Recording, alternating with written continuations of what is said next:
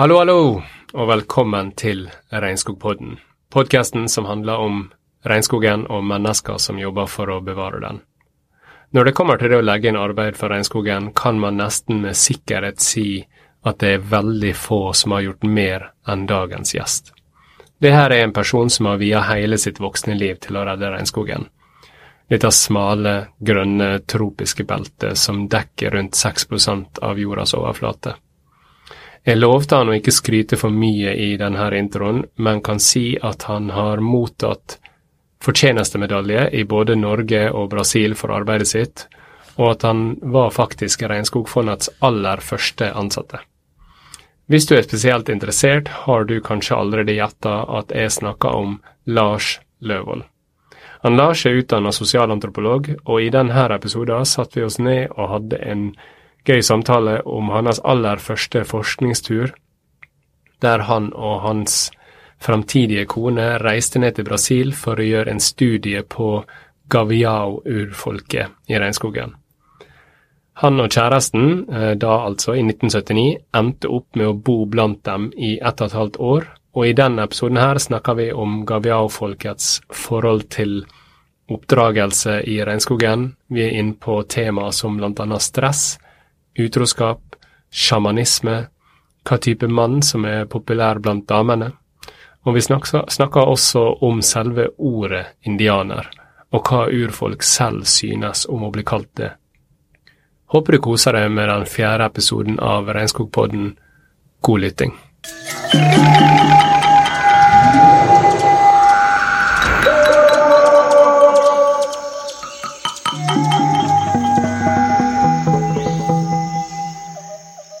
Hallo, hallo, og velkommen til Regnskogpodden.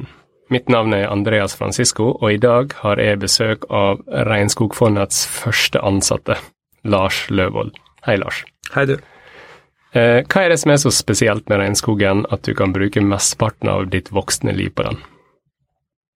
Du vet, jeg eh, reiste som antropologistudent til eh, Amazonas, ikke fordi jeg var interessert i regnskogen, men fordi jeg var interessert i indianerne eh, som bor i Brasil, som jeg hadde lest og jobbet mye med. Eh, altså jeg hadde liksom sett at eh, historisk sett så var de på en måte i ferd med å bli utryddet, men på 70-tallet liksom så i hvert fall så begynte liksom befolkningen å ta seg opp igjen. Og det er en lang bakgrunn. Jeg jobbet med liksom norske investeringer i, under militærdiktaturet, og om de fordrev indianere og alt mulig sånn. og Derfor så leste jeg veldig mye om liksom sånn, hva skjedde under militærdiktaturet i Brasil. Eh, var da man åpnet Amazonas, eh, som de oppfattet som et sånt stort tomrom. Militærdiktaturet la liksom ikke noe vekt på at det bodde tradisjonelle folkegrupper der. Eh, de begynte å bygge veier, de skulle liksom ha utvikling i, i Amazonas. Eh, og det skapte veldig dramatiske ødeleggelser mange steder.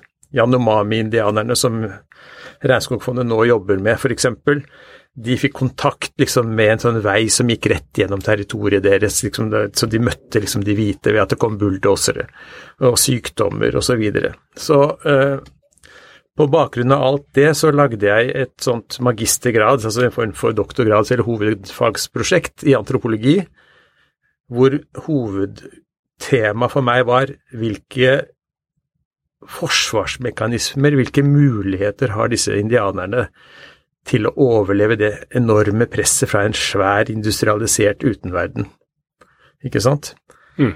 Og indianerne i Amazonas i Brasil, de, er, de aller fleste er veldig små stammer. altså De er kanskje 500 mennesker, 1200 mennesker, 1700 mennesker med sitt eget språk, sin egen lange tradisjon. Det er eh, i Brasil en 225 forskjellige etniske grupper, altså forskjellige folk av indianere, med kanskje 180-90 språk den dag i dag. Ikke sant? Så en sånn liten folkegruppe som møter en sånn teknologisk overlegen utenverden, har de i det hele tatt Hva er deres forsvarsmekanisme, liksom? Mm. Så det var utgangspunktet for meg når jeg dro til Brasil for å gjøre feltarbeid som antropologer gjør.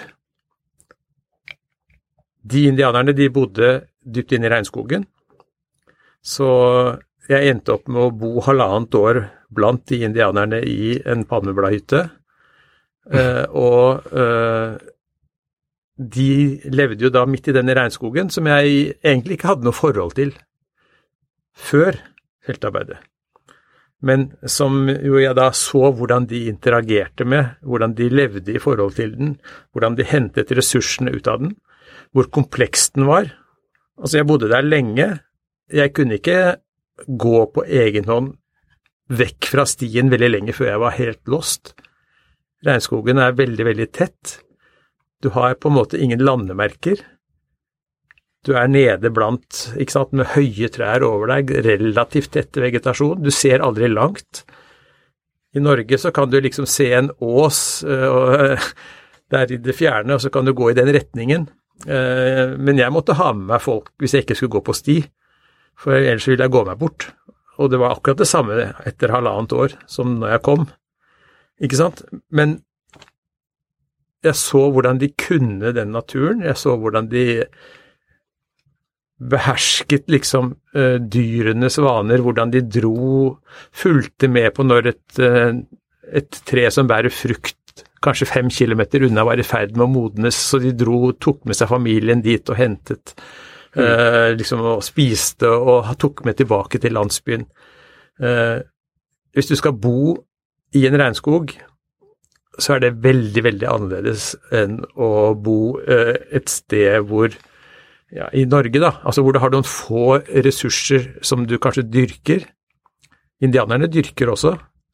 Eh, de dyrker liksom mais og maniok, som er en sånn eh, mm. slektning av poteten, osv. Så, altså, så de henter jo en god del mat fra sånne åkerlapper eller hager i skogen. Men de er veldig avhengig av å hente ressurser direkte fra naturen, ville ressurser. Jakte og fiske uh, osv. Hvis du skal jakte i en skog hvor du egentlig Dyrene er aldri i flokk, med unntak av villsvin. Mm. Nesten alle dyr og fugler lever enkeltvis eller i par. Så det er veldig spredte ressurser. Du må kunne den naturen veldig godt. Du må kanskje kunne herme etter eh, altså paringsropene til den apen eller den tapiren osv. for å lokke de til deg osv. Du må kunne følge spor. Så jeg ble veldig fascinert av den komplekse naturen eh, og hvordan de kjente den så utrolig godt, også små barn. Så eh, da, på en måte gjennom dette feltarbeidet og ettertid, så oppdaget jeg hvor utrolig unik regnskogen er som natursystem, som økosystem, nettopp fordi den er så utrolig mangfoldig. Vi lever jo eh, som nordmenn eh, ganske tett på naturen. Vi er et folk som er glad i natur, vi er glad i å gå i naturen, både sommer og vinter. Men vår natur er utrolig ung. Altså for 10 000 år siden var det is her, og ikke et eneste tre. Mm. Ikke sant? Siste istid. Eh, Amazonas har vært påvirket av de mange istidene, men aldri vært dekket av is. Det betyr at det er kanskje 70-80 millioner års ubrutt utvikling som har skapt et helt utrolig mangfold av livsformer i den skogen. Sånn at eh, vi vet ikke mer enn en brøkdel av hva som finnes der. Men vi vet jo at et eller annet sted mellom halvparten og 70-80% av alle arter på landjorda fins på dette egentlig veldig lille området, som utgjør 6% av landjorda på jorden, som er regnskog. Så det at det har tatt ufattelig mange millioner år å utvikle det, betyr at når det ødelegges, så kommer det ikke tilbake. Ikke sant? Sånn at mm. det er uerstattelige naturverdier av biologisk og genetisk mangfold i den skogen, som ikke er sammenlignbart med noe annet natursystem på landjorda. Mm.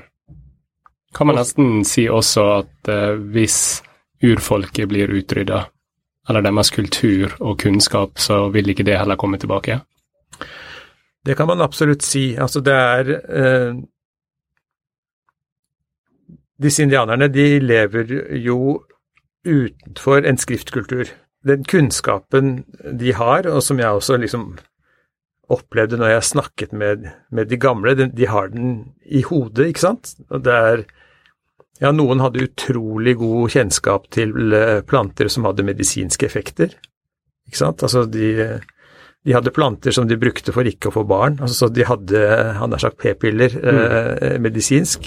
Mm, det er helt utrolig. Eh, de hadde ting mot vondt i ryggen, de hadde ting mot eh, diaré, de hadde ting mot vondt i hodet. Uh, de hadde til og med ting mot epilepsi, sa de i hvert fall. Det er, dette jo ikke jeg sjekket, jeg er ikke medisiner. Men jeg mener de, de har utviklet en kjennskap til den naturen som overleveres muntlig, og som er basert på at de bruker naturen og lærer gjennom deltakelse og være sammen med de som kan. Og mye av det de kan, har eh, ikke vi, eh, selv ikke moderne vitenskap, eh, full oversikt over. Så eh, vi lærer hele tiden mer om denne naturen, men denne, hvordan ting interagerer med hverandre, altså hvordan en, en, en liksom åtte-tiåring kunne se at når noen spesielle fugler fløy lavt, så visste de at det var et tegn på at noen store maur som lever under bakken, eh, var i ferd med å skulle eh, sverme ut. Eh, altså, de kommer opp i tusenvis av tusenvis. Det var ganske store maur eh, som indianerne likte veldig godt. altså De fanget dem i store kurver og ristet dem, så det ble en, form for peanøtter. altså litt sånn halvsalt. Ja. sånn at samspillet mellom den fuglen eh, Eh, som jakter på maur, mm. den var kjent av små barn, ikke sant, osv. Så videre. sånn at det var utrolig fascinerende å, å oppleve eh, det kunnskapsnivået som da er der og overleveres muntlig, men som selvfølgelig er utrolig sårbart hvis de gamle dør, eh, hvis livsstilen endres, osv. Så, så det var én del av svaret. Og så kan jeg bare si helt kort at vi har jo lært eh, egentlig i nyere tid hvor utrolig viktig regnskogen er som for klima. Ikke bare fordi den lagrer enorme mengder og tar opp karbon fra lufta, men altså hvordan den faktisk er i stand til å pumpe varm og fuktig luft liksom fra ekvator, fra Amazonas opp mot Nord-Amerika, hele veien opp mot uh, våre breddegrader. Sånn at veldig mye av det stabile relativt stabile temperaturen, nedbørsmønstre osv. som menneskeheten har utviklet seg i forhold til, som har bestemt hvor vi dyrker mat osv. Alt det henger sammen med at du har en, denne eh, levende pumpa av et økosystem som lagrer varm og fuktig luft og pumper det opp mot eh, Nordpolen og ned mot Sydpolen. Eh, og når vi la ødelegger den skogen, så lager det helt dramatiske og til dels uopprettelige endringer i vårt klima. Ikke sant? Mm. Så det er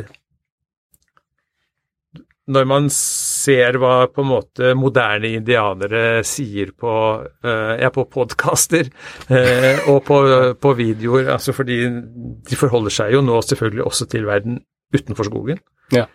Uh, så er det jo veldig vanlig at de sier at skogen er vårt supermarked, skogen er vårt apotek. Ikke sant? Altså, ikke sant? Den gir mm. bare denne mengden av mat, medisin, ressurser, hjemsted, beskyttelse, byggevarer, altså ikke sant, stokker, palmeblader til å dekke.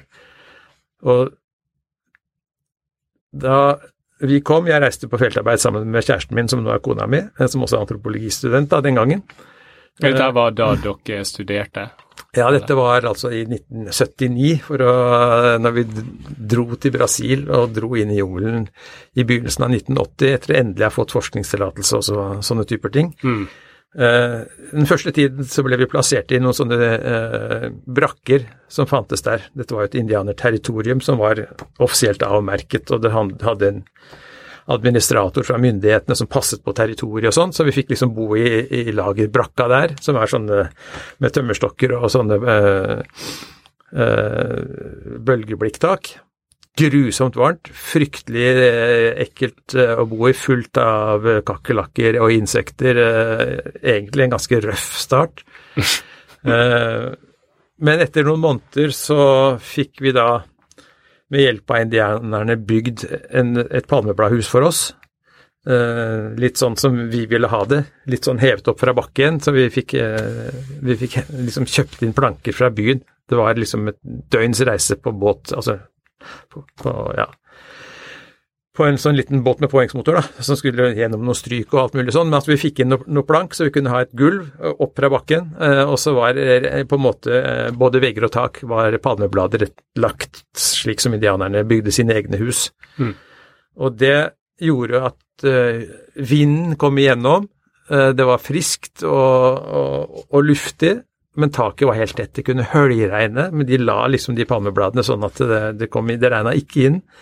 Uh, så, så, det som ser moderne ut, med om det er tømmerstokker eller planker og, og, og sånn bølgeblikk som de slipper å skifte, det er forferdelig å bo i, i et så varmt og fuktig strøk som Amazonas. Så ja. Mm. Vi satte stor pris på å kunne bo eh, sånn sett eh, veldig likt indianerne. Det er noe som er inne på det med, eller vi allerede kommer til regnskogen og prater om den. Eh, noe jeg lurer på er hvordan vil du beskrive regnskogen for noen som aldri har vært der? Jeg tror alle, de fleste har liksom sett sånne filmer fra jungelen hvor eh, liksom helten med machete liksom hugger seg frem skritt og skritt, liksom eh, et ugjennomtrengelig bladverk. Og sånn er det ikke. Eh, du er eh, nede er, Inne i skogen er det halvmørkt, selv midt på dagen, fordi at eh, det er høye trær rundt deg på alle kanter, eh, og de lukker seg over deg. Ikke sant? Som du har på en måte tett kronetak og det kronetaket er 30-40 og opptil 50, kanskje mer eh, meter over deg. Sånn at eh, det kommer veldig lite lys, kanskje 1-2% av sollyset når ned til bakken. Så det betyr det er vanskelig å ta bilder der. Du har kanskje noen sånne strå... Altså, ikke sant. Du har noen sånne lysstrimer som kommer som en sånn stråle inn her og der. Men generelt er det sånn litt sånn halvmørkt. Det betyr også at det er ganske dårlige vekstvilkår nede på bakken. Eh, Hvilket igjen betyr at du stort sett kan bevege deg forholdsvis lett. Av og til så tetter det seg til, selvfølgelig, men altså det bildene som er eh, fra filmene, det er egentlig det samme bildet som du ser når du er ute på elva og reiser i Amazonas. For der er det jo en Elva er en åpning, og sola kommer ned til elven, og der er det helt mm. tett vegg fra elven og inn. Men når du har kommet deg gjennom den veggen, så åpner det seg på en måte på bakken, så det er ikke så vanskelig å, å gå der. Men det er eh, Det er på en måte ganske stille deler av dagen, samtidig som det er veldig mange rare lyder. Du har ja, det er en sånn fugl som du ofte hører i Amazonas, som er sånn, uh, som plystrer sånn som uh, man på 50-tallet plystrer etter damene. Nå kan ikke jeg gjøre akkurat det der, men det er en sånn, der, en sånn spesiell låt som er veldig lik det, da. som, som, er en sånn fugl du hører ganske ofte. Men faktum er at du ser veldig lite dyr. Altså de som tenker seg at de skal til, til regnskogen for å liksom se masse flotte liksom villsvin og jaguar og, og fugler og sånn. Du kan være lenge i regnskogen uten å egentlig se. Dyrene gjemmer seg, og det er vanskelig å, å oppdage dem. Og du skal egentlig være litt indianer for å, for å komme inn på dem. Uh, så det er mer den følelsen av å være omgitt av en veldig sånn stor spesiell skog. Og jeg vil egentlig anbefale at hvis man skal til den skogen, at du har med deg en virkelig en kjent mann, altså, eller en kjent person, som kan skogen, og som kan ta deg eh, trygt gjennom og vise deg de tingene som du som utenforstående ikke vil se. Snakker du av erfaring nå? Nå snakker jeg av erfaring. Altså, for eksempel så er det jo sånn at uh, de som Vi gikk jo stort sett i skogen sammen med noen indianere. Er det greit å si indianer? Det må jeg bare spørre om. Jeg syns det er greit, fordi de kaller seg indianere selv. Ja. Uh, så, det, det er, jo litt debatt rundt hele dette temaet der. Det er det. Uh, og i Peru og Colombia så liker indianerne uh, å kalle seg altså urfolk eller med stammenavn, men de kaller seg faktisk indianere selv og har ikke noen problemer med det i Brasil. sånn at, at det er der jeg har bodd i årevis, så er det liksom ja, det er en del av mitt uh, vokabular, da. Mm. Uh, og de opplever ikke det som nedsettende på, på noen måte, Ja. for å si det sånn. Så nå, å høre det fra eksperten. det hendte at de kunne f.eks. se en ape oppi et tre, og så peker de, og så ser du og ser du og ser du, og så ser du ingenting. Ikke sant? Eller de peker Pass deg der, der er en slange i treet der, en grønn slange. Og så må du liksom se innmari nøye etter og nesten gå nærmere for å oppdage den.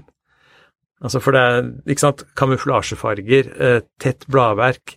Du skal ha lang trening i å, å oppdage hva som er rundt deg, så du kan på en måte gå som en sånn tulling og gå forbi både tråkke over slanger og gå forbi apekatter i stillhet uten at du egentlig oppdager det, hvis du er en utenforstående.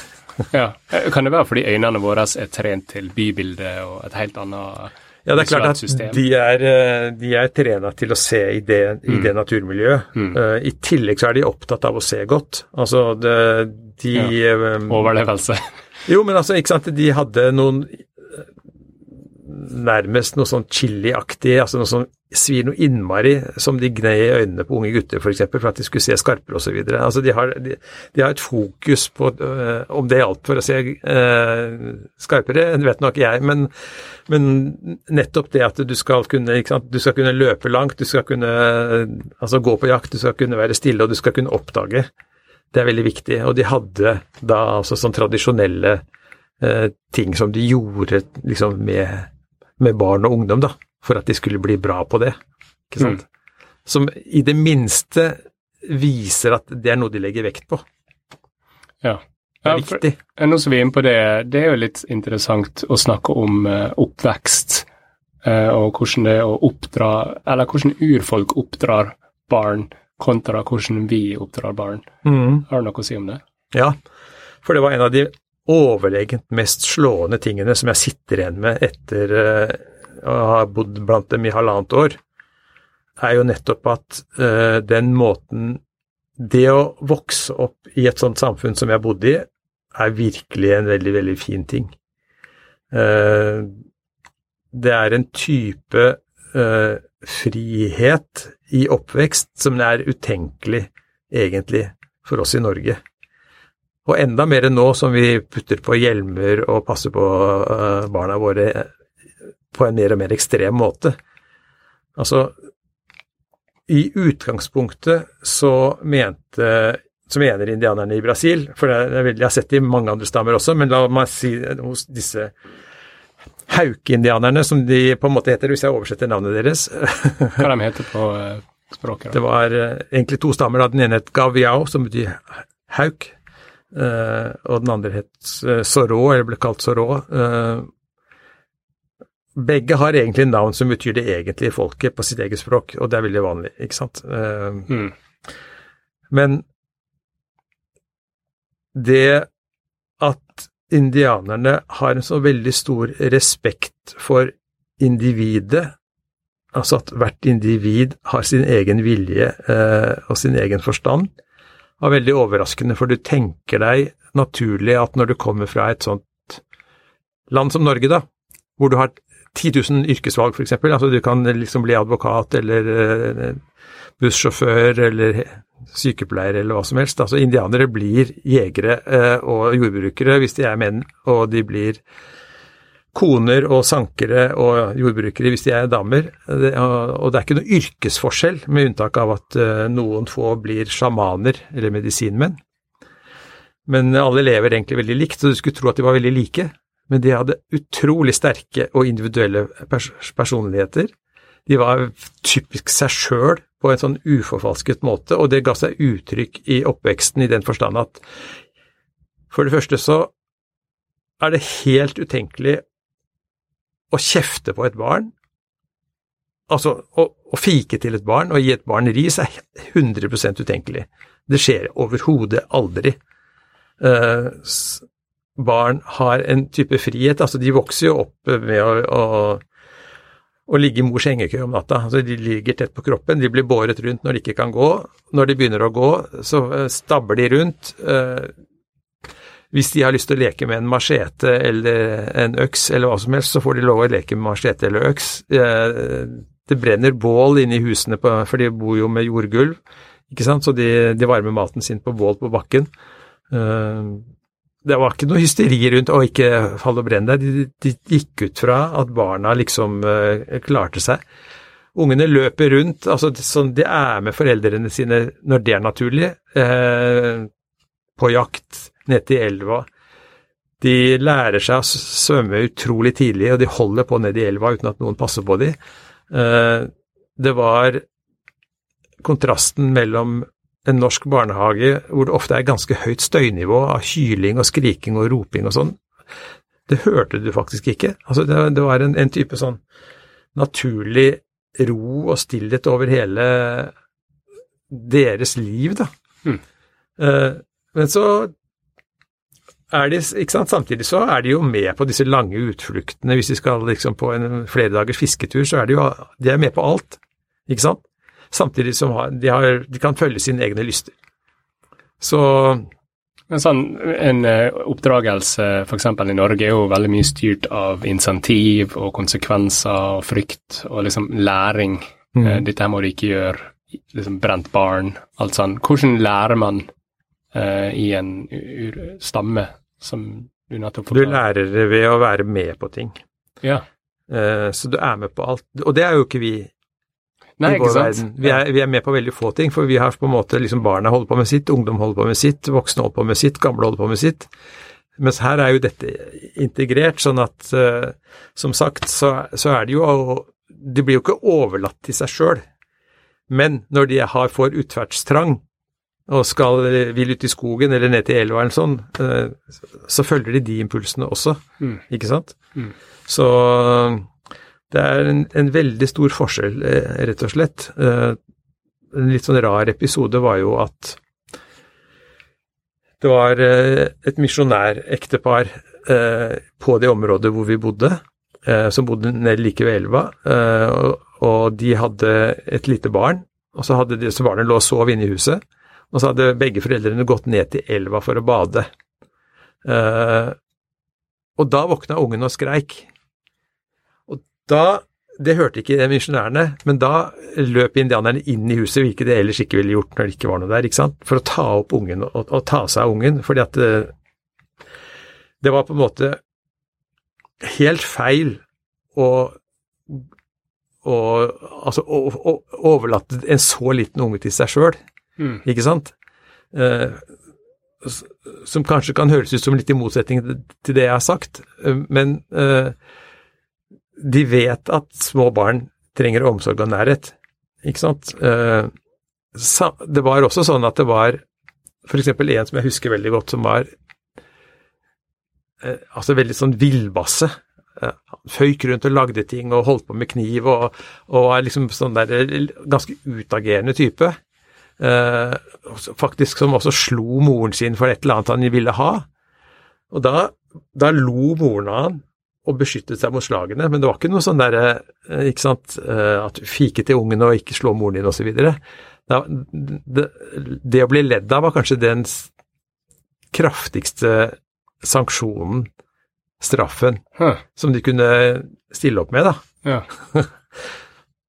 Men i, eh, tror du det kanskje gjelder liksom, stammesamfunnet generelt? Liksom det å bli Det er veldig stor forskjell fra øh, verdensdel til verdensdel, uh, og, og, til en viss grad fra, fra, stamme til stamme også, men jeg har sett uh, et, I mitt arbeid i Regnskogfondet så har jeg jo vært og besøkt veldig mange stammer over tid som vi har jobbet med, ikke sant, sånn at jeg har jo lagt merke til veldig mye av det samme. den, den derre frie oppdragelsen, rett og slett, basert på tillit til små barn. At de vet hva de gjør, men de vet også hva de gjør, nettopp fordi de har vært med på alle tingene. De har jo sett foreldrene gjøre disse tingene. De har sett foreldrene håndtere uh, Jeg mener økser og, og, kniver. Uh, de har uh, Veldig mange indianere i Amazonas bruker en type maniok som er giftig, som har cyanid i seg. Så de har en veldig kompleks prosess med å raspe og presse ut den safta som er giftig. for å kunne lage en type mel som de lager pannekaker av, og, eller lager Ikke sant? Så det blir mat Så det blir mat, ja. For de har liksom søtmaniokk, og så har det den giftige maniokken. Og den giftige maniokken er sånn at hvis du spiser den, så dør du. Ja, ja. Eh, så, så giftig er den, liksom. Men du kan spise den etter at du har prosessert den. Ja, og den prosesseringen er arbeidskrevende og tung. Eh, men det betyr jo at eh, disse småungene er jo også omgitt av giftig maniokk og den, den saften som er presset ut osv. Jeg har liksom, det har aldri sett at det har vært noen problemer med at de Det, er, det, det smaker man ikke på, ikke sant? Mm. Det er, det er veldig, veldig rart hvordan den der eh, tilliten uh, er, som er en Etter min mening er en tillit til individet som individ, fordi det er noe med også Plutselig kunne en familiefar liksom bare ta med seg hengekøya og eh, pil og bue eh, og si jeg drar dit, liksom, til eh, den landsbyen som er tre dagsmarsjer unna. Det var en sånn avgjørelse på kanskje ett minutt, og så bare ut av landsbyen. Og så kan den bli borte i ukevis, kanskje. Mm. Eh, og det er det ingen som legger seg oppi. Akkurat som det er sånn, du har på en måte, Man har jo tanke om at disse samfunnene har høvdinger. Ja, de har eh, noen som er respektert, og de som for så vidt har grunnlagt landsbyen, har en spesiell rolle. De har evnen til å få med seg folk. Men de kan aldri si at i morgen skal vi gå sammen om å øh, rydde øh, plass til den åkeren. De kan foreslå Jeg syns det vil være en god idé om vi gikk og gjorde det. Og hvis den andre har tenkt å gå på jakt, så går han på jakt. Ikke sant? Mm. Uh, sånn at det, det fins ikke noen kommandolinjer. Eh, folk er selvstendige individer, og det merker man også Jeg har vært på mange møter med indianere for Regnskogfondet rundt ting som skal liksom planlegges og skje, eller vi i Regnskogfondet vil finne ut hva er det de egentlig vil prioritere, hva er det de egentlig de ønsker seg av type støtte eller type tiltak, eh, liksom.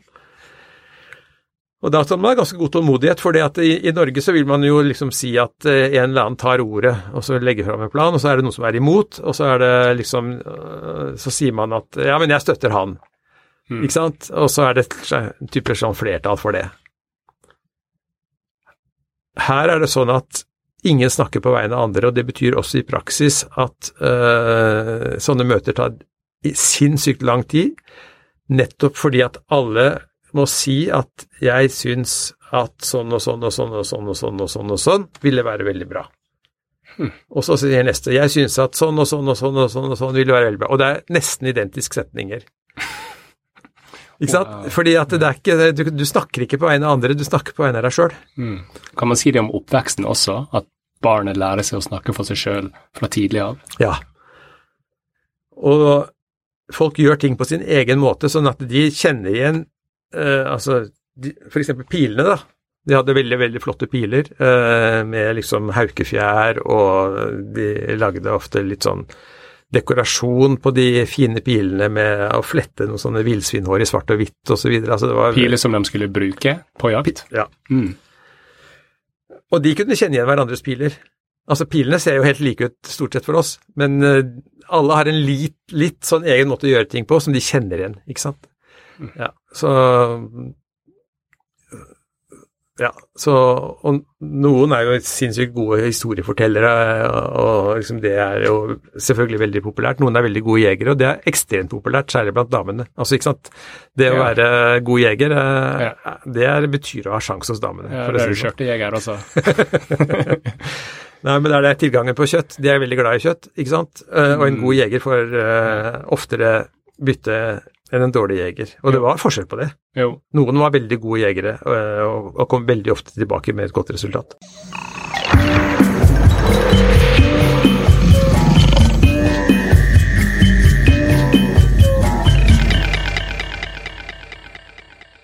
Hele vårt samfunn er jo preget av reguleringer.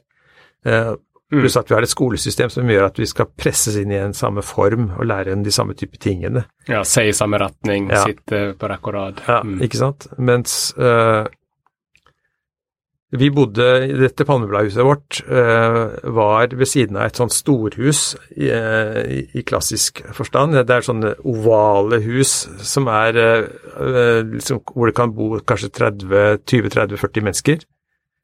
Altså en sånn stor eh, mm, sånn felleshus. Liksom? Slags, ja, den er oval eller sånn buet tak, da, så veggene liksom er, buer seg opp og over deg, og så er de sånn avlange. Så har de liksom en liten åpning på den ene kortenden. Og så er det ganske mørkt inni der, men det kommer litt sånn sollys inn gjennom, som jeg sa, gjennom palmebladene, sånn, sånne stråler, mm. ikke sant. Uh, og der ligger de da i sine hengekøyer, for så vidt familievis, men det er ikke noe vegger mellom hver familie osv. Altså det, det er på en måte et åpent kollektiv, men altså velordnet i, i den forstand at hver familie har sin plass og sitt ildsted osv. Inni der kan f.eks. da bestefar våkne klokka tre om natta og har lyst til å fortelle en historie.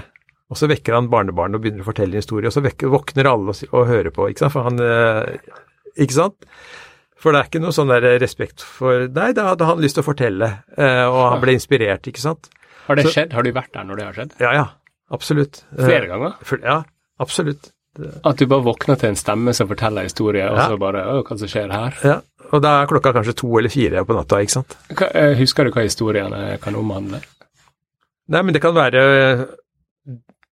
Ofte kan det være en myte Uh, altså en historie om uh, liksom hvordan verden ble til, som de har veldig mange historier om. Uh, og som var en del av de tingene jeg har jobbet mye med å ja, å, å registrere, oversette og forstå. men det kan også være en eller annen At han tenker på en veldig spektakulær jaktekspedisjon eller eh, en type sånn konflikt, altså en krig, på en måte. En konflikt med en annen stamme for lenge siden han var ung, f.eks. Altså, ikke sant? Det kan være sånn sett i og for seg hva som helst. Uh, mm. Men på akkurat samme måten så er det sånn at uh, Så jeg sa at uh, nettopp fordi at regnskogen er så mangfoldig, så er det jo ikke noe flokkdyr. Ikke sant? Det er liksom de fleste dyr, tapiren, går rundt alene og alt mulig sånn. Det er et unntak, og det er villsvin. En, en, av de to typene villsvin kan være i flokker på opptil 100. Plutselig så er det en flokk med 100 villsvin ute i regnskogen? Ja. Altså for er, er, Den ene typen villsvin, det største av de, er, er, er, et flokkdyr. Og de streifer over ganske store områder. Det er utrolig populært kjøtt. Altså det, de elsker det kjøttet. Mm. Det er også veldig godt. Eh, og, men det er også det at når de kanskje går på jakt og ikke er så langt fra landsbyen, og så kjenner de lukten av villsvin, for det er en ganske kraftig lukt, så vil ikke den jegeren løpe etter det villsvinet. Han vil løpe tilbake til landsbyen og rope 'villsvin', og så vil da i løpet av et halvt sekund mm. så er landsbyen tom for menn som har bare løp, grepet pil og bue, eller eventuelt hagle, som de har nå, eller begge deler, og, og, og stormet etter. Fordi at ikke sant? Hvis de er mange, så kan de omringe altså Da kan de kanskje få syv villsvin eller åtte villsvin. Altså da, da, blir det superduper fest i, med kjøtt i lang tid. Ja, for de må spise alt med en gang? Om ikke med en gang, så må de Det er i hvert fall sånn at uh, da er det liksom fest. Ja. og den festen, og det skjedde flere ganger når vi bodde der, den festen kan jo begynne klokka tre om natta. Nå er det ferdig, roper vi.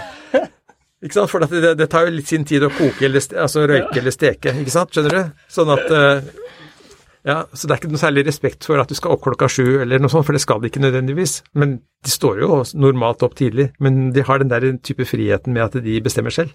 Mm. Mm. Dette her med å overlate barnet til seg sjøl, den type oppvekst, den frie oppveksten som du kalte det, tror du det er mulig til en, til en viss grad i vårt samfunn? Jeg tror det er mulig i mye, mye større grad enn det som praktiseres. Eh, jeg tror vårt samfunn er blitt ekstremt i det å stykke opp livet i atskilte enheter. Eh, og jeg tror det er veldig mye å vinne. Men det er klart det er Altså, de skal ikke på jobben, ikke sant? Nei. Sånn at det er, det er klart at uh, de ville synes det var helt sykt, kanskje, hvis man, å se at man liksom tidlig om morgenen satte barna sammen i en barnehage. Ikke sant? Mm. Bare sammen med andre barn. Altså, ikke fordi at barna vil det, men fordi at de voksne ikke vil ha de. Mm, ja, det kan virke sånn. Ikke sant? Så, eh, ak akkurat som uh, de syns også fengsel Altså vi hadde liksom Vi bodde og hadde forskningstillatelse til å bo med den stammen som het haukestammen eller gaviao-stammen. Men mens vi var der, så kom det en nykontakta stamme eh, som myndighetene tok med seg til det territoriet hvor vi var. De var nakne, de var nykontakta, de snakket samme språk som den, de gaviao-indianerne, de hauke-indianerne. Og Det var derfor de ble satt med dit, også fordi at de begynte å dø der hvor de var kontakta, eh, tre-fire dagsmarsjer unna. Hvor de hadde egentlig bodd sammen med denne stammen, som haukestammen, sånn rundt slutten av annen verdenskrig. Eh, da hadde de liksom vært i kontakt med gummitapper og sånn. Under annen verdenskrig så kom det mange hvite, eh, eller altså brasilianere, inn i skogen nettopp fordi det ble veldig stor etterspørsel etter rågummi igjen pga. verdenskrigen. De allierte trengte gummi til alt mulig rart. Mm. Og forsyningene fra Asia var kuttet av pga. verdenskrigen. ikke sant? Sånn at det, det, som hadde vært en stor industri i 1890- og 1880-åra, ble på en måte en ny industri under annen verdenskrig. Mm. Og da kom det altså Ja, folk kom ut i skogen for å, for å tappe rågummi fra trærne. Og da var det mange indianere som kom i kontakt, blant annet da denne Sorå-stammen, som den heter. Så en eller annen gang rundt sånn 45, 46, 47, 48 kanskje, så, så ble det en konflikt hvor uh, de drepte en uh, sånn gummibaron eller et eller annet. Så, så disse sorå-indianerne, de, de, de, de, stakk av, dro lenger inn i skogen og holdt seg for seg sjøl fram til uh, ja, 1979 omtrent. Ikke sant? Uh, og da kom de til uh, og så var, så, ja, altså, nei, så var de på en måte blitt kontaktet igjen, og så hadde de uh, liksom akseptert kontakt med utenverden, men så begynte de å dø av sykdommer fordi indianere i Amazonas er veldig Når de har hatt lite kontakt, så, så, så, dør de av våre vanlige sykdommer. Altså liksom influensa er livsfarlig, og det kan bli fort lungebetennelse, og mm. meslinger er forferdelig, og alt sånt. Så de ble altså tatt med dit, og da, da, da kom de i flokk og følge eh, til disse indianerne som de snakket samme språk, og som de da hadde et historisk forhold til, som betød at i sin tid hadde det vært noen ekteskap på tvers. De hadde på en måte slektskapsterm til alle som bodde der, osv. Og, så og disse haukeindianerne, gaviao-indianerne, de, de, liksom, de, de, lot de være der, og de bodde der i mesteparten av den tiden vi var der etterpå. Mm.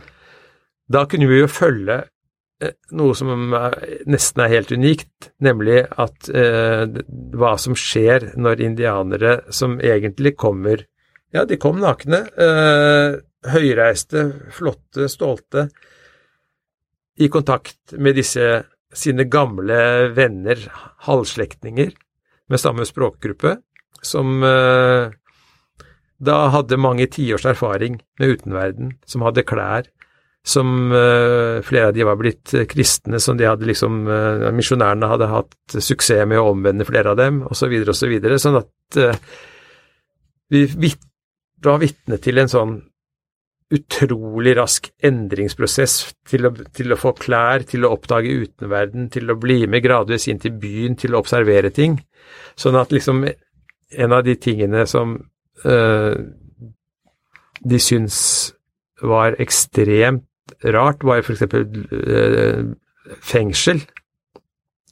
Mm. Det, altså, dere forklarte dem det konseptet? Ja, og de Nei, men altså, de fikk eh, på en måte Når de var i byen, så fikk de også se et fengsel. Ja, ok. Ikke sant? Ja. Sånn at For det er jo noen som er litt mer uregjerlige blant indianere også, noen som er litt ville, eller altså som lager litt trøbbel, eller som ikke er så samarbeidsvillige. Men tanken på at de skulle isoleres og puttes i et uh, bur for seg sjøl, det var de veldig, veldig veldig sjokkert over. mm. ja. Forsto de det at det var straff for ja, noe de hadde gjort? De forsto det. De forsto det. Mm. Men det er liksom sånn De hadde et um, De har en tradisjon med at de ikke har samme navn nødvendigvis gjennom hele livet. Altså de blir gitt et navn uh, som kan være mer eller mindre hemmelig liksom når, når, de er født. Så har de på en måte et navn som blir brukt, men så kan de gi seg selv et navn på et eller annet tidspunkt og ut fra noe som gjør kjempestort inntrykk på dem. Ikke sant? Mm. Så det var en i haukestammen som het Manjor, som betyr eh, stående mann. Han hadde sett en politimann som sto i timevis utenfor en bank for å passe på en helt sånn urørlig Han syntes det var helt absurd, ikke sant. Så et sånn, sånn Og med EP, som det heter på portugisisk når han oversatte det, sånn eh, mann som står stille. Og det var det der sterke inntrykket av at han sto der og sto der og sto der og sto der og rørte seg ikke, ikke sant. Eh, han ga det navnet, mens en av de der eh, nykontakta eh, skiftet navn til Wam. Det var lyden av uh, det enmotors Cessna-flyet når det starter opp. Så han het Wam. Uh, og ble kalt Wam, og kalte seg sjøl Wam.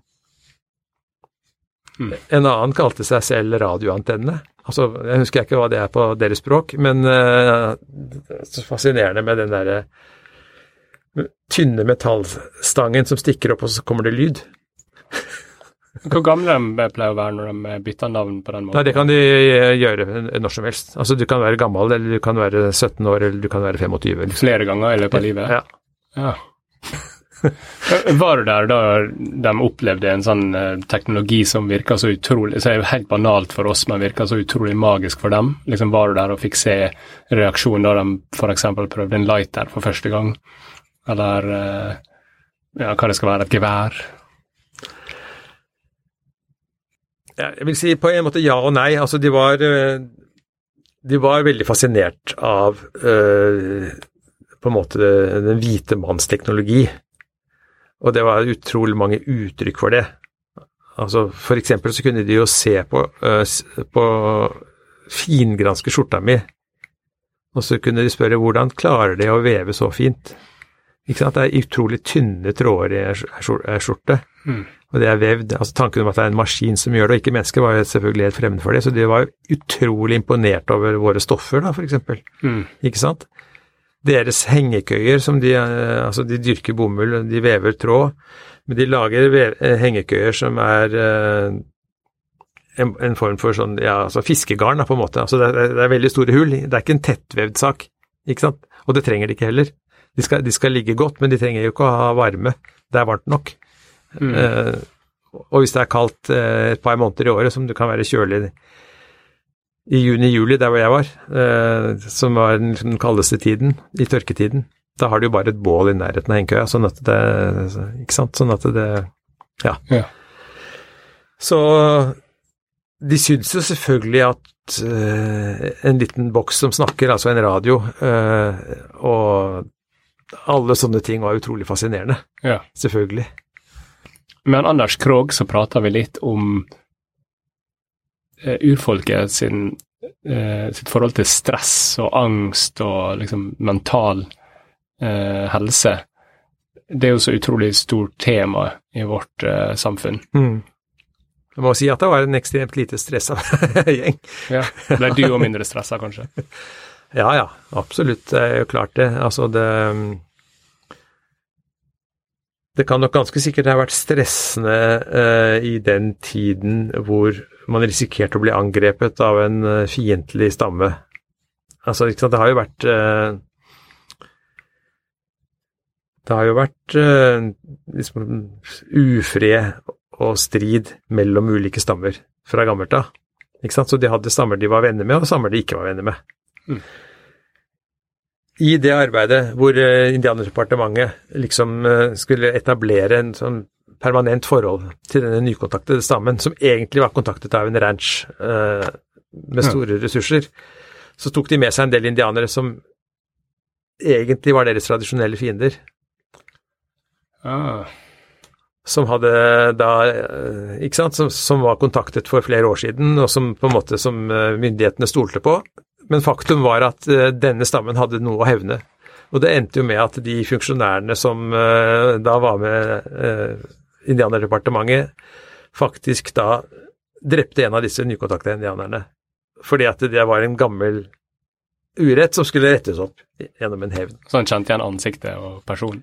Ja, det er ikke så viktig akkurat hvem det er. Ja, så var det sånn blodhevn, kan, Ja. kan det kalles det? Ja.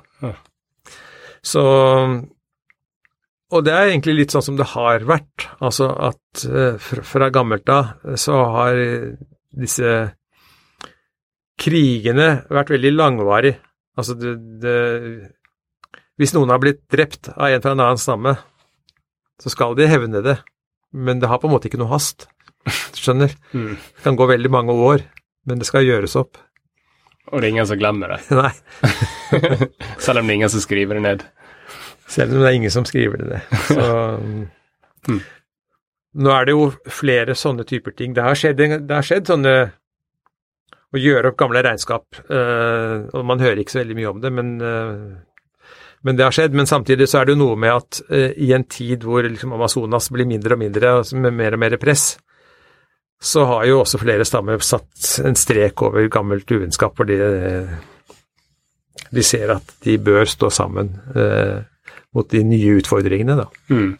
Ja, og når man snakker om nye utfordringer, så er jo markedskreftene og, som du sier, misjonærer og ja, hva det skal være. Det er jo en slags ny utfordring for livet i regnskogen. I høyeste grad, og så er det jo alle som er ute etter eh, jord, beitemark, ikke sant. Det, noen vil lage veier, noen skal hente ut verdifullt tømmer. Altså, ikke sant. Du Mm. møter utenverden. Det er veldig, veldig få igjen. Det er jo selvfølgelig, eller det er ikke selvfølgelig, men altså, det er jo fortsatt indianere uten kontakt i Amazonas. Eh, Mm. Det er ikke selvfølgelig, nei, Nei. som du sier. Det er på ingen måte selvfølgelig, men sånn er det. Mm. Eh, Det er deler av Amazonas hvor det fortsatt lever indianere som ikke har noe kontakt med utenverden. Eh, Særlig i grensestrøkene mellom, ja, mellom Peru og Brasil.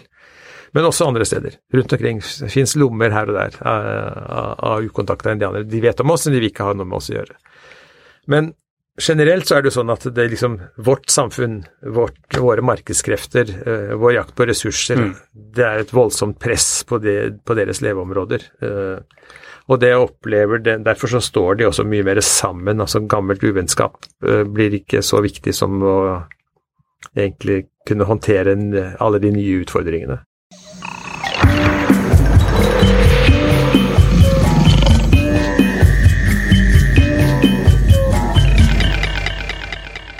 For de spesielt interesserte om disse temaene vi snakker om nå, eh, hverdagen i eh, Amazonas, hva bøker vil du eh, anbefale?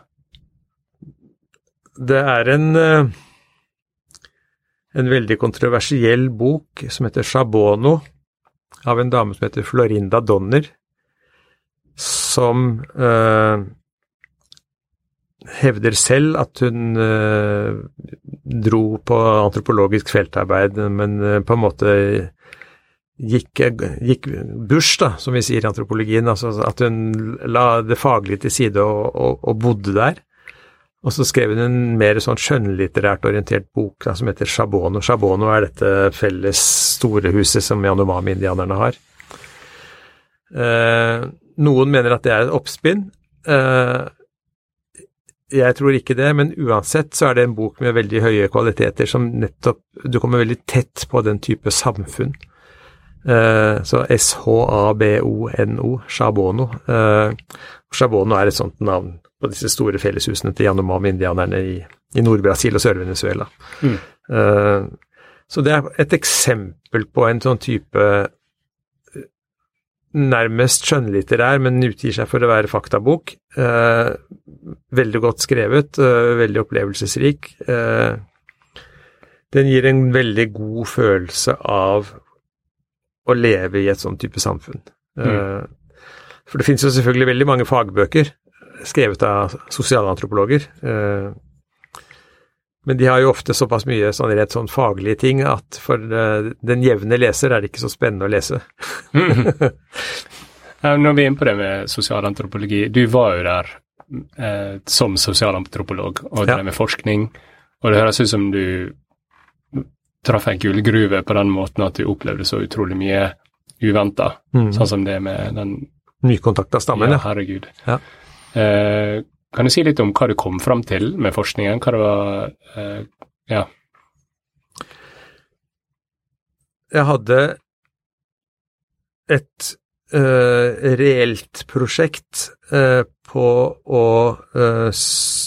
undersøke muligheten for kulturell overlevelse i små samfunn som er utsatt for sånn vanvittig press fra en megadiger industriell verden rundt.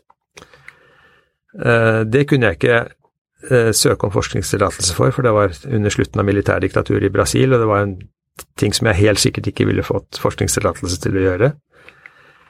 Så jeg lagde et slags fake-prosjekt som jeg presenterte for myndighetene i Brasil, eh, som gikk på å, å, studere deres myter og tradisjonell religion, som uh, da kunne være litt sånn klassisk antropologisk og ufarlig. Eh, det jeg kom til, var at en av de mulighetene som faktisk eh, lå for kulturell overlevelse osv., eh, ligger i nettopp eh, i en blanding av det mytiske og eh, sjamanen, altså han som er i kontakt med åndene, som har en sånn slags nøkkelrolle i mange av disse samfunnene. Eh, det var der jeg opplevde at uh, de som uh, og i den ene stammen var det bare én. Den haukestammen var det bare én uh, aktiv sjaman. Og han jobbet mye i det skjulte, for det var misjonærene var jo anså han som djevelen selv, sånn at det Ja. Men uansett Nettopp den forbindelsen til en del Altså usynlige krefter i tilværelsen, eh, åndeverden som sjamanen jobbet med, eh, var en av de tingene som eh, man kunne føle, han kunne føle, at de hvite ikke skjønte noe av, uh, utenverden ikke skjønte noe av, men som han, etter en lang, lang uh, opplæringsperiode med mange utfordringer, han var mye syk, Eh, det er masse typer prøvelser, det er masse frykt du skal møte, det er masse sånne typer ting. Eh, så han var på en måte etter hvert eh, kommet gjennom alt det, og ja håndterte på en måte kommunikasjonen med denne åndeverden, da, og kunne også behandle folk som var syke, og håndtere ulike typer trolldom og alt mulig sånn, at liksom i den verden lå det en uh, han var ikke så blendet av uh, de hvites materielle overlegenhet. Han hadde noe annet som han ikke syntes at uh, de moderne brasilianerne skjønte og forsto. så nettopp i Nettopp i den interaksjonen med åndeverden og å helbrede og kurere folk ved hjelp av de kreftene osv., eh, lå det en type motstandskraft. Så han var mindre blendet av eh, nettopp eh, vår teknologiske overlegenhet og alt det som ikke sant, alt det eh, mm. utrolig sånn slags magiske som våre maskiner gjør. For han hadde på en måte sin egen magi. Mm. Eh, så der eh, Og det er ikke tilfeldig at denne eh, Yanomami-lederen som heter Davi Yanomami, som en del nordmenn har hørt om, uh, og som fikk Right Livelihood Award uh, i Sverige, det var vel i fjor, eller i forfjor, som har vært en sånn ledende talsperson i hele kampen for et stort territorium i Nord-Brasil for disse Yanomami-indianerne. At han nettopp er sjaman, og at han nettopp føler at ja, vi moderne hvite europeere og brasilianere. Vi har eh, en teknologisk overlegenhet, men vi har ikke noe innsikt. Eh, vi ødelegger kloden vi er på. Eh, og han har noe å stille opp mot det, og det henter han i den åndeverdenen. Så, mm. så um, det, Skrev du om disse tingene, eller var det det forskningsprosjektet du Ja, det var liksom en av mine konklusjoner, at det er uh, nettopp i til dels i den mytiske verden, men særlig i den sjamanistiske tradisjonen, så ligger det en type innsikt og kunnskap og styrke som er i ferd med å Som er Ja. Som kan nettopp øh, være en motkraft da, til den voldsomme materielle overlegenheten som de faktisk opplever at vi har, ikke sant? Naturlig nok. Mm. Eh, vi lager jo metallbiter som flyr i lufta og ja, jo. og, og alt sånn, ikke sant. Sånn at det skal litt til å stå opp mot det. Eh, men nettopp den type innsikt som da sjamanene har, eh, var egentlig for meg på mange måter eh, nøkkelen til en type likeverd, eller en type motstandskraft, da. Har du sjøl vært med på noe ritual? Noe sjamanistisk? Altså, jeg er ikke noen sjaman, men jeg vant jo han sjamanens tillit, nettopp fordi at uh, mens de misjonærene som hadde vært der, hadde han som på en måte djevelens utpekte representant og, og, og motarbeidet ham på alle mulige måter, så var jeg veldig interessert i uh, altså hans verdensbilde og, og hans syn på verden, og hva han opplevde i uh, sitt sjamanistiske virke, og hva han når han reiste i åndeverden, hva møtte han da, og så. Og jeg, et, jeg vant jo etter hvert hans tillit, så han fortalte jo veldig åpent liksom om sine reiser eh, i åndelandsbyer og under elven, og liksom eh, hvordan det så ut der, og hvem han møtte der, og altså alle sånne typer ting, da. Mm. Så Ja, nei, så det eh, er rett og slett en utrolig fascinerende verden, eh, men jeg, var, jeg, jeg er ikke noe sjaman. Nei. Men eh, liksom inn, innledningsvis så snakka du om at de hadde sine egne penicilliner og eh, kurer til ditt og datt, egen medisin, ting vi er ganske, som er ganske nytt for oss i vårt samfunn sånn egentlig, Ja. eh, og de har hatt det i liksom tusenvis av år. Mm. Og Er ikke det sjamanistisk praksis som har eh, dyrka disse medisinene deres? Er ikke det Nei, det er ikke det. Den sjamanistiske praktisen er, er rent åndelig, så den, den opererer direkte i forhold til en, eh, en åndeverden med usynlige hjelper osv. Og, så og, og det å kunne plantemedisin mm. er en eh, er en verdslig aktivitet, kan du si. Altså, Ok, så, så sjamanen så sjamanen driver ikke med plantemedisin? Nei. Okay. Det var kloke koner eller eh, ting som Altså, han, han kunne det, men det var i så fall ikke sjamanisme. ok. Mm. Det sjamanistiske var rent uh, interaksjon med ånder, åndelige vesener. Ja, hvordan det skjer da? Liksom, er det meditasjon, eller legger man seg ned på en matte? Liksom, hvordan skjer det sånn praktisk? Det er litt forskjellig fra stamme til stamme og, og sted til sted, men eh, altså Yanomami-indianerne, som jeg nevnte i stad, eh, de har eh, en type bark som gir eh, en type rus som er sånn hallusinogen virkemiddel. Mm. Sjamanen blant gaviao-indianerne, hauke-indianerne, han var erfaren nok til ikke å trenge det i det hele tatt, så han kunne liksom switche bevissthetsnivå.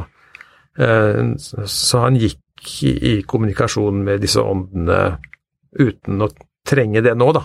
Mm. Men eh, han hadde jo trengt det under hele opplæringen, kan du si. Mm. Så han brukte egentlig ingenting. Han bare switchet over i, i den andre verden, rett og slett. Hva føler du at du lærte mest av den sjamanen her nå? Eh, Du kan si at eh, han fortalte veldig åpent uh, etter hvert, da, etter lang tid. Da jeg hadde vunnet hans tillit. Uh, Flere år? Nei, jeg var jo der bare halvannet år, så- men altså mange, mange må- måneder før han på en måte åpnet opp og skjønte at min interesse for de spørsmålene var genuin, da. Uh, Og veldig annerledes enn misjonærenes. sånn at eh, Nei, han hadde rett og slett en veldig empirisk, eh, altså erfaringsbasert tilnærming til åndeverden. Sånn at eh, han fortalte meg liksom hvor han hadde vært, hva han hadde opplevd. Og så kunne jeg spørre ja, men også hva skjedde liksom, Nei, men der har jeg ikke vært. Jeg kom aldri dit. Altså det var, ikke sant, det var eh, nærmest som han eh, parallell til at nei, men i den delen av Jotunheimen har jeg ikke vært. Ikke sant, skjønner Mm. du? Det var sånn eh, og Det var på en måte helt erfaringsbaserte, empiriske opplevelser. Så han fortalte hvordan liksom, åndene så ut der, hvordan de oppførte seg der, hva som skjedde der, osv. Og, så og så er det Det var sånn Det, det fins ånder av forskjellige typer, da. Noen som bodde under elva, som var som eh, Noen som bor i skogen, noen som Altså det, klasser og stammer av forskjellige typer ånder. Ja, Han kunne jo være veldig konkret om noe så utrolig helt, abstrakt. Helt, helt konkret. Ja. Helt erfaringsbasert. Ja. Det var det som overraska meg veldig. Det var liksom sånn Nei, men jeg gikk aldri dit. Altså, han kom han, Jeg har aldri vært under den elva. så, ja. så, så, så, selv om det var liksom noen klasser av sånne ånder som er uh, Ja uh, Altså en, et fellesnavn for noen av de som bodde under elv, f.eks. Det var liksom forskjellige stammer. Det var på en måte stammesamfunn også i åndeverden, ikke sant. Mm. Og de stammene hadde, de åndelige stammene hadde også ulike særtrekk, ulike utseende og ulike måter å være på. Og mm. han kjente ganske mange av de, men det var mange han ikke kjente òg, liksom. Og, det, mm. og det, var liksom helt sånn Nei, men jeg kom aldri dit, liksom. Mm. Et siste spørsmål før vi gir oss. Um, hvordan var det å komme tilbake til Norge etter et, et og et halvt år der og oppleve så utrolig mye, få så mye visdom og lærdom og være under det løvtaket. Hvordan var det å integrere seg igjen i eh, det vi vil kalle virkeligheten? Veldig interessant spørsmål, fordi det var den store overraskelsen. Eh, jeg var jo borte, eller vi var begge to kjæresten min og kona mi og jeg vi var jo borte i to og et halvt år uten å reise hjem. Uh, ikke sant? Sånn at, og, og, det var jo da ett og et halvt år Det tok veldig lang tid med forskningstillatelse. Vi var ett og et halvt år inne i skogen. Og vi var jo veldig forberedt på kultursjokk og at vi skal måtte venne oss til noe helt annet når vi reiste ut. Ikke sant? Uh, og når vi kom hjem, så var vi ikke forberedt på at det var nesten umulig å formidle det vi hadde opplevd, eh, at det var på mange måter sånt nesten uvirkelig å komme hjem igjen. Altså fordi at du Vi kjente jo Norge veldig, veldig godt. Jeg hadde tross alt bodd der i mange tiår.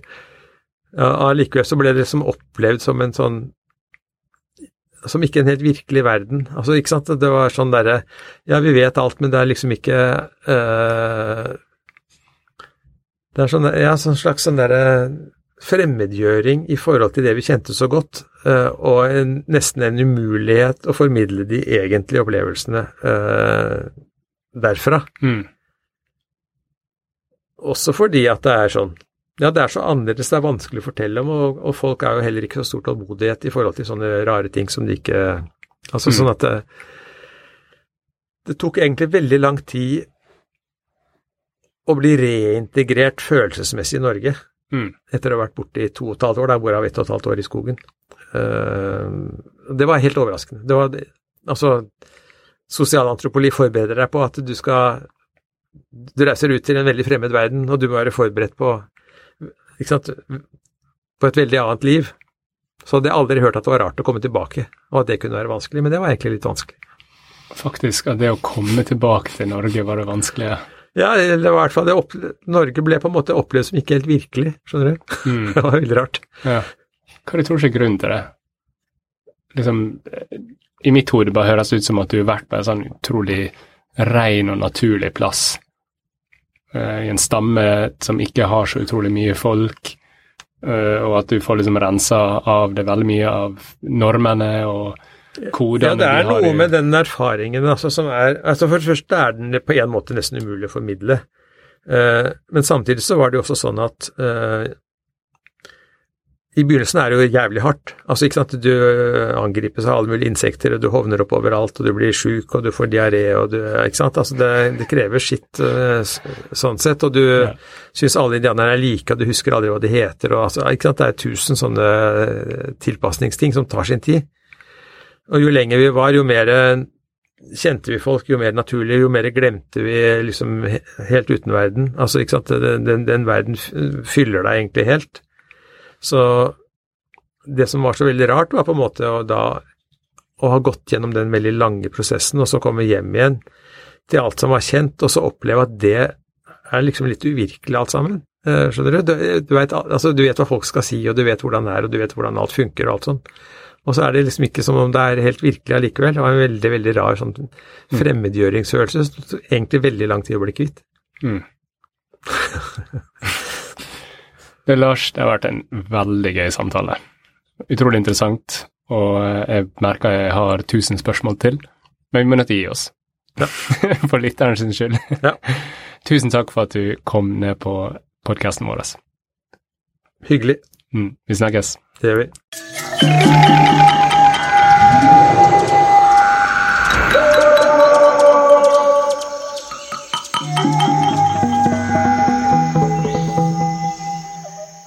Hei igjen. Regnskogpodden er fortsatt en ganske så ung podkast, men vi har jammen meg allerede fått masse tilbakemeldinger fra både kjente og ukjente. Og jeg syns den ene tilbakemeldinga vi fikk var så gøy og lærerik at jeg ville dele den med dere. I episode to av Regnskogpodden, som er del to av Mediaguarens kraft, snakker forfatter Anders C. Krogh om at matsesene aldri drikker mens de spiser, i alle fall ikke da han var hos dem. Når de har et måltid, så spiser de seg helt ferdige, og så drikker de. Og fordi vi spurte om tilbakemeldinger, fikk vi en fin mail fra ei som heter Therese, og den lyder nå øh, lyder sånn som det her, og nå siterer jeg på bokmål.